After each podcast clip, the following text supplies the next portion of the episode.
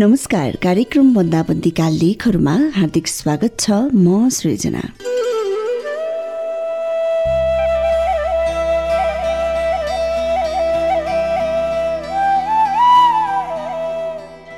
कहिल्यै नसोचिएको कुरा अनि हत्तपत्त विश्वास पनि नलाग्ने कुरा कि अभाव पनि सुखद हुन्छ भनेर। कार्यक्रम बन्दाबन्दीका लेखहरूमा आज प्रकाश कुमार सिग्देलले लेख्नु भएको डायरी शीर्षकको लकडाउन डायरी प्रस्तुत गर्दैछु। यसलाई मैले सेतो पार्टीबाट साभार गरेको छु।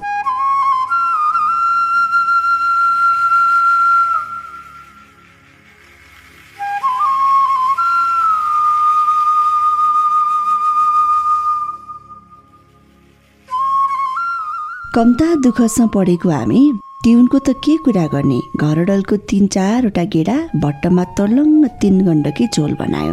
भट्टको गेडा तँलाई दुईटा पर्यो मलाई एउटा मात्रै। यही कुरा लरालर गरिन्थ्यो। अभावै भए पनि त्यो बेला चाहिँ साह्रै रमाइलो हुन्थ्यो है। भाइ कड्केर बोलिरहेको थियो। म सुनेर बसिरहे केही बोलिनँ। अनि सेन्दाई हजुरलाई त्यो भट्ट ठुल्लाइले नौमारिदिएको भए के खानुहुन्थ्यो नि? फुर्ती त निकै छ त। बहिनीले थपे। म भाइ र बहिनीको यो भलाको साह्रै रमाइलो मानेर सुनिरहेको थिएँ। अझ रमाइलो त देशमा लागेको थियो कि आज धेरै वर्षपछि बहिनी भाइ र मेरो परिवारसँगै मिलेर दसैँ मनाउन पाएका छौँ। म त गएँ कोठातिर। बहिनी आफ्नो सिन्दाईलाई घुर्की लाउँदै मेरो कोठामा बसी। म पनि रमाइलो मानेर बसेर भएन अब जानु पर्यो। गोठको काम त्यत्तिकै छ भनेर हिँडेँ। बुवा आमाका हामी तिन सन्तान म मेरो भाइ अनि बहिनी। भाइ बहिनी सानै छँदा बुवाले हामीलाई टुहुरो बनाएर जानुभयो। उहाँमाथि दुई थरीका लडाइँले धावा बोलेको थियो। एउटा रोगसँगको लडाई अर्को गरिबी। रोगसँगको लडाईँमा उहाँ एक्लै भए पनि गरिबीसँगको लडाईँमा पनि आमाको साथ थियो। त्यो लडाईँमा बुवाआमाको आत्माले हाम्रो साथ र सहयोग त पक्कै माग्दो हो तर हामी सानै भएकाले त्यसमा सहभागी हुन सकेनौँ। सोक्न सुर्ता भोग्न बकारी भने जस्तै त्यति बेलाका हामी काँचो माटोलाई के थाहा बुवा आमाको त्यो बेथा जब बुवाको देहान्त भयो त्यसपछि भने मलाई उमेरले भन्दा पनि व्यवहारले पाएको बनायो। कलिलो टाउकोलाई बडे मानको बोझले थिल्थिल्याउँदा म आत्तिनु स्वाभाविक थियो। मैले जसो तसो एसएलसी पास गरेँ। घरको अवस्था सुध्रेला भन्दा झन्झन बिग्रदै जान थाल्यो। घरमा बस्न रत्तिभर मन थिएन। मैले नपढेर के बुरा भाइ बहिनीलाई पढाउन सके भने ठुलो सन्तोष छ नि। त्यति बेला स्वार्थी बन्न उमेरले थिएन वा परिस्थितिले। त्यस्तो सोच्न बाध्य बनायो। जमाना अनुसारको खटन। उति बेला एसएलसी सकिएपछि नतिजा नाउन्जेलसम्म भारत जानेको लड्को लाग्थ्यो। पशुपतिको जात्रा जानेको लड्को लाग्थ्यो। पशुपतिको जात्रा सिद्राको व्यापार भने जस्तै। टाइम पास पनि हुने अनि घुम्न पनि पाइने। धेर थोर पैसा कमाउन सकियो भने नि साउको ऋणले छिद्रै छिद्रा भएको व्यवहारलाई एक दुई ठाउँ तानतुन पारेर टाल्न पनि सकिने। एसएलसी सकिएको केही दिनपछि पल्ला गरेका आकासँग म पनि मुगलान छिरे। घरमा सोधेको भए त के जान दिनुहुन्थ्यो र?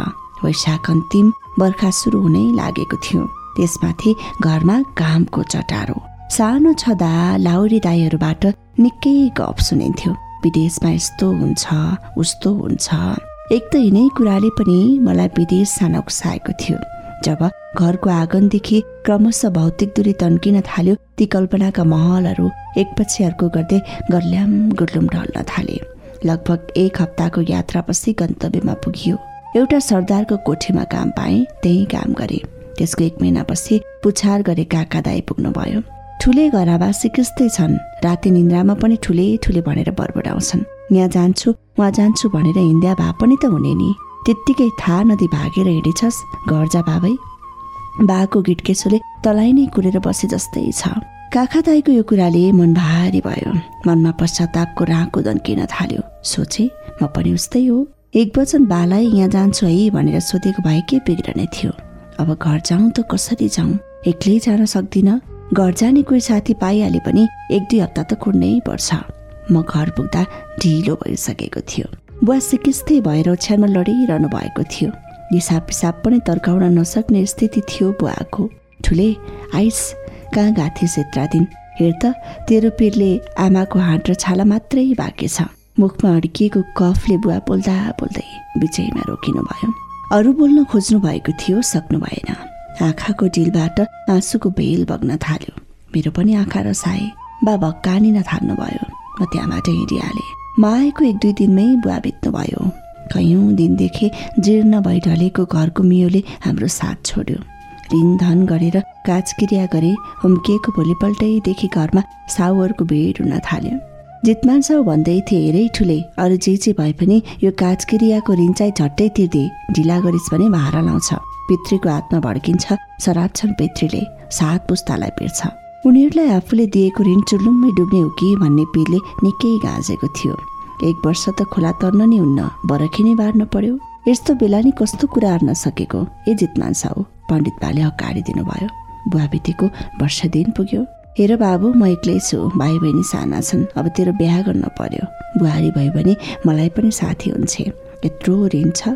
साउको दिनदिनैको कचकच कति सहने हो र अरबतिर जाबो दुई चार पैसा कमाइस् भने तिनको मुखा बिर्को लाग्छ।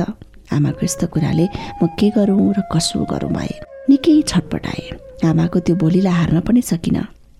बिहे गरेँ केही समय जीवन सङ्गिनीसँग बिताउन नचाहेको पनि होइन। तर साहुहरूको कचकचका कारण विदेश नगई धरै पाइन। खेत साहुलाई जिम्मा लगाएर ऋण लिएँ पासपोर्ट बनाए। म्यान पावरले सुरुमा एक हप्तामा फ्लाइट हुन्छ भनेकोमा धेरै पटक काठमाडौँ आइजाइ गर्दा पनि काम बनेन। अब त लाज पनि लाग्न थाल्यो। घरबाट निधारमा रातो टिका लगाएर विदायका हात हल्लाउँदै मन अमिलो पार्दै गयो फेरि फर्क्यो आयो। यो कथा धेरै पटक दोहोरियो। चिनीको जो भेट भए पनि भनिहाल्थ्यो अस्ति फ्लाइट हो भनेर गाथिस् त फेरि फर्केर आइछस् तभन्दा पहिले प्रोसेस चालेकाहरू विदेश गएर काममा लागिसके अनि पैसा नै पठाइसके त भने यहीँको यहीँ। भेटे जति साहुहरूले पनि यही भनेर हैरान पार्थे। अब कहिले उठ्छस् त? खै दलालले ठगे जस्तो छ तँलाई त? जहिले यही प्रश्नको झटारोले प्रहार गरिरहन्थे साहुहरू। आज पनि निधारमा रातो टिका पिठ्युमा झोला बोकेर घरबाट निस्किए आजको विदायको परिदृश्य अरू दिनभन्दा अलिक फरक थियो। सुरुमा विदेश सानो भने घरबाट निस्केर हिँड्ने बेला जस्तो आमा र श्रीमतीको त्यो बेहाल मैले देख्नु परेन। बारम्बारको मेरो फर्काइले उहाँहरूको विश्वासमा कुठाराघात गरेको थियो ग्यार। त्यही भएर उहाँहरूलाई विश्वास थिएन कि अहिले मेरो काम बन्छ भनेर। झोला बोकेर दैलोको ठेलाबाट निस्कनै लाग्दा पल्लारे काके रित्तो गाग्री लिएर धारातिर गइन्। लौ बित्तासै पर्यो। साहित्य बिग्रियो नि। अहिले पनि काम नबन्ने भयो। सहर पुग्दा रात परिसकेको थियो। गाउँकै दाईको लज भएकाले मलाई होटल खोज्नु परेन। पर्सि त फ्लाइट भोलि एक दिन बाँकी रह्यो। अहिले त जान पाए नि हुने। हे भगवान् लामो सुस्केर हाले। त्यही बेला फोन आयो ल भाइ तिम्रो पर्सिको फ्लाइट फिक्स भयो है भोलि मलाई अफिसमा भेट्नु। खुसीको सीमा रहेन। पुगेपछि फोन गर है आमाको यो आग्रहलाई खुसीको पर्दाले ड्याम्मै छेकेछ। भसुक्कै बिर्सेछु आमाकै फोन आयो। सबै कुरा बताए आमाको सुक्क सुक्क आवाज सुने आमा बोल्न सक्नु भएन। कति सपना बोकेर विदेश हानिएको थिए ठिक उल्टो भइदियो।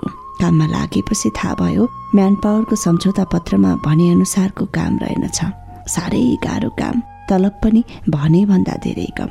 त्यही माथि घरको यादले सताउँदा सुरुका दिन निकै कष्टकर बने। माइती देशको कुकुर पनि प्यारो भने जस्तै त्यो विदेशी सहरको कोलाहालमा एक दुई नेपाली शब्दको छनक पाउँदा अलौकिक आनन्द महसुस हुन्थ्यो। त्यहाँ गएको तिन महिना पनि बित्न नपाउँदै यहाँ त साह्रै आपत पर्यो जति सक्दो छिटो घर आउनु भनी श्रीमतीले फोन गरे। गुडा तिनै वर्षपछि साउको ऋण तिरिसकेर मात्रै घर फर्कौला भनी बुनेको सपनाको एउटा पयो चोडिनाले आशाहरू पानी पानी भए। आफैलाई सम्हाल्न गाह्रो भयो। मलाई लाग्यो ठुलो सपना देखेर मात्रै के गर्नु जबकि विपनाको ऐसियतले सपनाको आकार निर्धारण गर्छ भने। घर आएँ श्रीमतीले घटनाको बेले विस्तार लगे। भर्खरै मात्र स्वास्नी खसेकी बिरेको उसको ठेगान थिएन। जहान मरेको पीडा बुलाउन भन्दै गाउँका भट्टी चाहार्दै दिन बित्थ्यो उसको। छोरो तन्नेरी घरमा बुहारी भित्राउने बेला भएको मान्छे। बढेकी छोरी गाउँलेका गिद्धे नजर छोरीमाथि थियो। बिरेलाई घरको भन्दा भट्टीको चिन्ता। उसको यो हरकत बढ्दै जान थाल्यो। बिरे पागल जस्तै भएको थियो। एक दिन मध्यरातमा नसाको तालमा हाम्रो घरमा आयो। ढोका ढोकायो आमाले ढोका खोल्नुभयो। ऊ सरासरभित्र पस्यो। मध्यरातमा आफ्नो कोठामा लोग्ने मान्छे जबरजस्ती पसेपछि आमा डरले काम्न थाल्नुभयो। उता पल्लो कोठामा देवर बाबु नानी र म थियौँ। ढोका ढोकढोकाएको सुनेपछि म उठेँ। बाबु नानी डरले चिच्याउन थाल्नुभयो। एकल महिला दुईजना साना साना बच्चा। के गर्नुभयो? आमा चुपचाप बस्नुभयो। आमालाई लागेको थियो बिरे रक्सीको तालमा आएको। एकछिन बसे जाला तर ऊ गएन। रक्सीको तालमा तथानाम बोल्न थाल्यो। हाम्रो घरको हल्ला सुनेर त्यति बेला वरपरका मान्छे हुल बाँधेर आइसकेका थिए। भोलिपल्ट गाउँमा जता गयो त्यही कुरो। पधेर जाँदा पनि गाई गई सुन्नुपर्ने।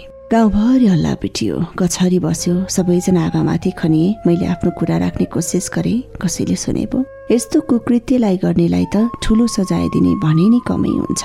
यहाँ गल्ती आइमाई के हो नि सुनेन सक्नु थियो। आमाले एक्लो महसुस गर्नुभएको थियो त्यति बेला हजुरलाई कति सम्झिनु भयो आफ्नो पक्षबाट बोलिदिने कोही नभएपछि आमाले हार मान्नुभयो आमा लुरु लुरु बिरेको पछि लाग्नुभयो। गाउँले मेरो परिवारमाथि गरेको घिनलाग्दो राजनीतिका कारण म विक्षिप्त भए। कहाँ जाउँ कसलाई गुहारो? त्यस्तो महँगो न्याय किन्न सक्ने हैसियत पनि थिएन मसँग। आमाका लागि चाहेर पनि मैले केही गर्न सकिनँ। मनमा नै आमासँग क्षमा याचना गर्नु बाहेक हुती पनि थिएन। अब विदेश जाउँ पनि कसरी? दुःखजिलो गरेरै भए पनि भाइ बहिनीलाई पढाउँछु भनी हिम्मत जुटाए। बन्दकी दिएको खेत राजीनामा गरेर बेचिदिए साहुलाई ऋण तिरेर बाँकी रहेको पैसाले बाख्रा किले। बाख्रा पालन मलाई फाप्दै जान थाल्यो। भाइ बहिनीले एसएलसी पास गरे पढ्न भनेर सहर पसे भाइ क्याम्पसको नेता भयो। बहिनीले कलेज पढ्न भर्खरै सुरु गरे। राम्रो घरबाट माग्न आए बिहे पनि गरिदिए। सुरुमा हामीलाई दाइजो चाहिँदैन भनेका थिए। तै पनि जसो तसो बिहे गरेर उम्खाए। बहिनीको बिहे भएको आज दस वर्ष भइसक्यो। तिजका बेला बहिनीलाई लिन जानु पर्यो भने घरबाट निस्किए। बुवामा नभएपछि के माइ त जाने हो र दाई यस्तो रमाइलो चाड खल्लो बनाउन बो छाडिदिनुहोस् म जान्न। बहिनीले यस्तो भनेपछि मेरो मन कुडियो म फर्किएँ। भाइको घर पनि बहिनीको घर नजिकै पर्छ। भाइ पनि घरजम गरेर सहरमा बसेको छ। क्याम्पस छँदा विद्यार्थी नेता थियो अहिले प्रतिनिधि सभाको सांसद भएको छ अरे भन्ने सुनेको थिएँ। भाइको घरको गेटबाट भित्र छिर्नासाथ मान्छेको गाई गई सुने। उसलाई भेट्नलाई मान्छे पालो गर्दै रहेछन्। त्यहाँ बसेको मध्ये एउटा मान्छे निराश भावमा भन्दै थियो यी नेताहरू यस्तै हुन्।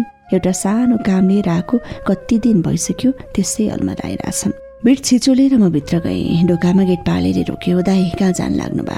म भित्र जान लागेको। भाइलाई भेट्न। मेरो आफ्नै भाइ हो के? गर्वले छाती फुलाउँदै कोल्टी परेको टाउको टोपी मिलाए। ठुलो मान्छे बन्नुपर्छ। कस्ता कस्ता आउँछन्। नाता लगाउन नि।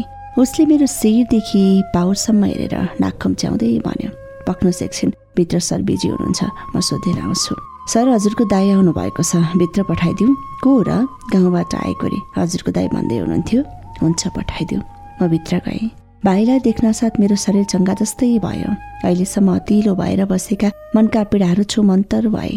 भाइलाई देखेर म मुसुक्क हाँसे तर साथीसँग गफिँदै मुखामुख गरेर बसिरहेको मेरो भाइ गाह्रो मानी मानी मुस्कुरायो। भाइले मलाई शिरदेखि पाउसम्म हेऱ्यो। सायद मेरो पहिरनदेखि सन्तुष्ट थिएन कि। त्यहाँ बस्नुहोस् शिर देखाउँदै भन्यो। धेरै बेरसम्म म त्यहीँ बसिरहेँ। उनीहरू कुरा गर्दै थिए। म उनीहरूलाई डिस्टर्ब होला जस्तो ठानी त्यहाँबाट निस्किएँ बाहिरपट्टि ढोके काडमा भाइलाई कुरेर बसिरहे। तपाईँको दाई होइन र उहाँ त बाहिर निस्किनु भयो तपाईँलाई मेरो भाइ हो भन्दै हुनुहुन्थ्यो। किन नबोल्नु भएको त नि उसको साथीले आफ्नो कुरा सक्न नपाउँदै प्रत्युत्तरमा भाइले भन्यो होइन मेरो गाउँले हो। अरूको सामुन्ने मलाई दाई भन्न मेरो भाइ लजायो बामाको भूमिका निर्वाह गरेँ अभिभावक पनि जस्तो लागेको थियो मलाई तर गलत रहेछु। एउटा सामान्य दाई समेतमा बन्न सकेको रहेनछु। गोठको काम सकेर म कोठाभित्र बसेँ बहिनी खाटमा बसेर खै कुन्नी के पढिरहेकी थिएँ आँखामा आँसु देखेँ। के पढेर बसेँ कि मेरो आवाज जसङ्ग भई उसको हातमा मेरो डायरी थियो।